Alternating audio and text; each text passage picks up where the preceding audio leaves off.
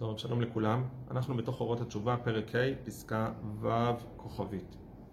התשובה קדמה לעולם, ולפיכך היא יסוד העולם.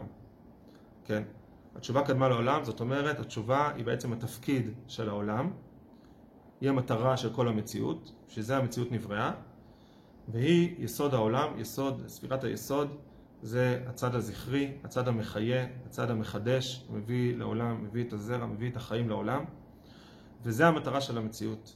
המטרה של העולם זה להביא חיות מחודשת, חיות שאין אותה בעולמות העליונים, והחיות הזאת זה החיות של ההתפתחות, של הגדילה, של הצמיחה, של התיקון, של התהליך, שאין אותה בשלמות המוחלטת. מקום שבעלי תשובה עומדים, צדיקים גמורים אינם יכולים לעמוד.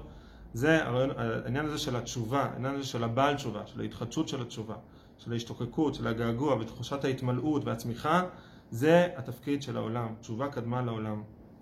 שלמותם של החיים היא דווקא עם המשך התגלותם על פי טבעם העצמי. כן, השלמות של החיים זה התגלות שלהם על פי הטבע העצמי, והטבע העצמי של המציאות הוא טבע חסר, הוא טבע חלקי, מוגבל, חוטא, יצרי, מלא פגמים, אבל זה השלמות של החיים שהם מתגלים על פי טבעם העצמי, על פי כל המוגבלות שלהם. וכיוון שהטבע מצד עצמו אינו בעל הסתכלות והבחנה הרי החטא מוכח הוא מצד זה, ואין אדם צדיק בארץ שיעשה טוב ולא יחטא. יש פה אמירה מאוד חריפה של הרב קוק, שהחטא הוא בלתי נמנע. המוגבלות של המציאות היא בלתי נמנעת. ההסתרה של המציאות היא בלתי נמנעת, כיוון שזו תפקידה של המציאות. המציאות, נבר... זה לא תקלה בייצור, המציאות נבראה מראש חסרה, מוגבלת, חלקית, כדי שהיא תלך ותתפתח, תלך ותצמח. ולכן זה מהות החיים, זה מהות המציאות, וזה לא צריך להיות מתוסכלים מזה, לא צריך להיות מיואשים מזה, לא צריך להיות מאוכזבים מהדבר הזה. זה התפקיד של המציאות, להיות חלקית, להיות חסרה. וזה, ככה החיים צומחים, ומתוך ככה החיים מתפתחים, מתוך ההסתרה, מתוך המוגבלות. ביטול עצם טבעיותם של החיים. כדי שיהיה אדם בלתי חוטא, זהו עצמו החטא היותר גדול. אם אתה כל הזמן מאוכזב, וכל הזמן מתוסכל, ומנסה למצוא אה, חיים מושלמים, שאין בהם חטא, אבל גם אין בהם טבעיות, ואין בהם בכלל חיות, ואדם נסגר בתוך איזושהי מציאות אה, של איזשהו מנזר, שהוא לא חי בה, ולא חי את המציאות, ולא מנסה לתקן את המציאות, ולא מנסה להיות מעורב עם המציאות, מעורב עם החיים, ובעלי החיים, והצומח, והבריאה, והחברה, והאנושות, זה עצמו חטא. התפקיד של האדם זה לחיות את המציאות, ולחיות את החסרונות, ולחיות את החלקיות, לחיות את המוגבלות, ומתוך כך לצמוח. וכיפר עליו מאשר חטא על הנפש, זה הנזיר שמחליט לא לשתות יין,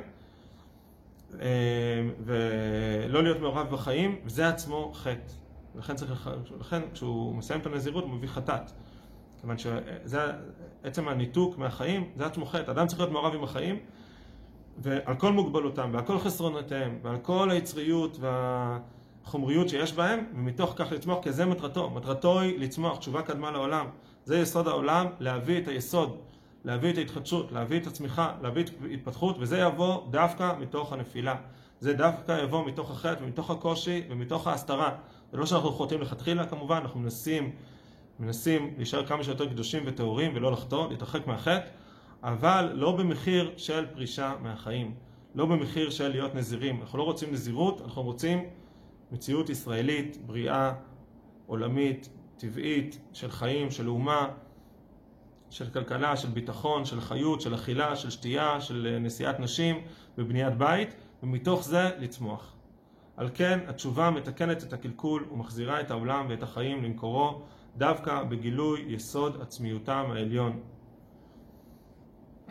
כן, פה יש את יסוד התשובה שהאדם שמח בהתחדשות.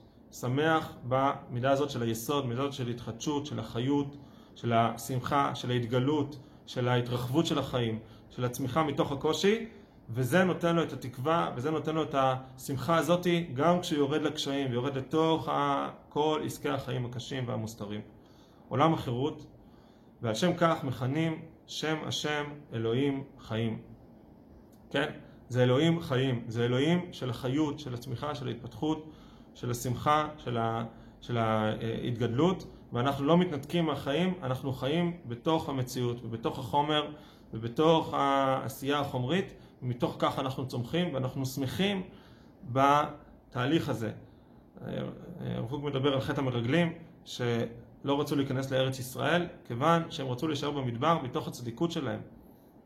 רצו לשבת במדבר, מרוחקים מכל עסקי החיים והחומריות והטרדות, לשבת ולעסוק בתורה, לאכול את המן, להתרחק מהחיים ולחיות במציאות מתוקנת מאוד.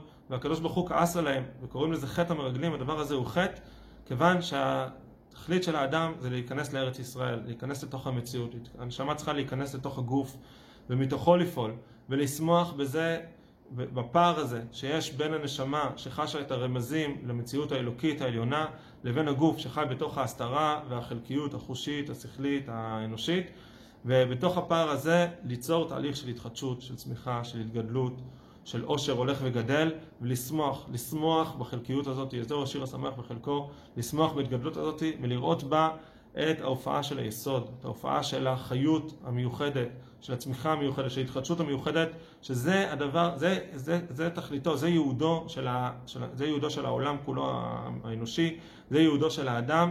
להביא את ההתחדשות הזאת, זה משהו שהעולמות העליונים לא יכולים להביא. במקום שבעלי תשובה עומדים, צדיקים, במקום שצדיקים גמורים אינם עומדים. שצדיקים הגמורים לא מסוגלים להביא את ההתחדשות הזאת לעולם, את הצמיחה הזאת לעולם, זה דווקא תפקידו של, תפקידם של בעלי התשובה. שבעל תשובה זה מהותו של האדם בעולם הזה, שכל המציאות העולמית היא מציאות של בעל תשובה, וזה שם השם אלוהים חיים. זה החיות, החיות המיוחדת הזאת שבאה לעולם, צריך לשמוח בה. הרב קוק מדבר על זה שטעם העץ כטעם פרי, שהאדם נוטה לשים לב רק לפירות, אבל צריך לשים לב גם לעץ, גם לתהליכים, גם לשלבים בדרך וגם להתחדשות הזאת של הצמיחה וההתפתחות.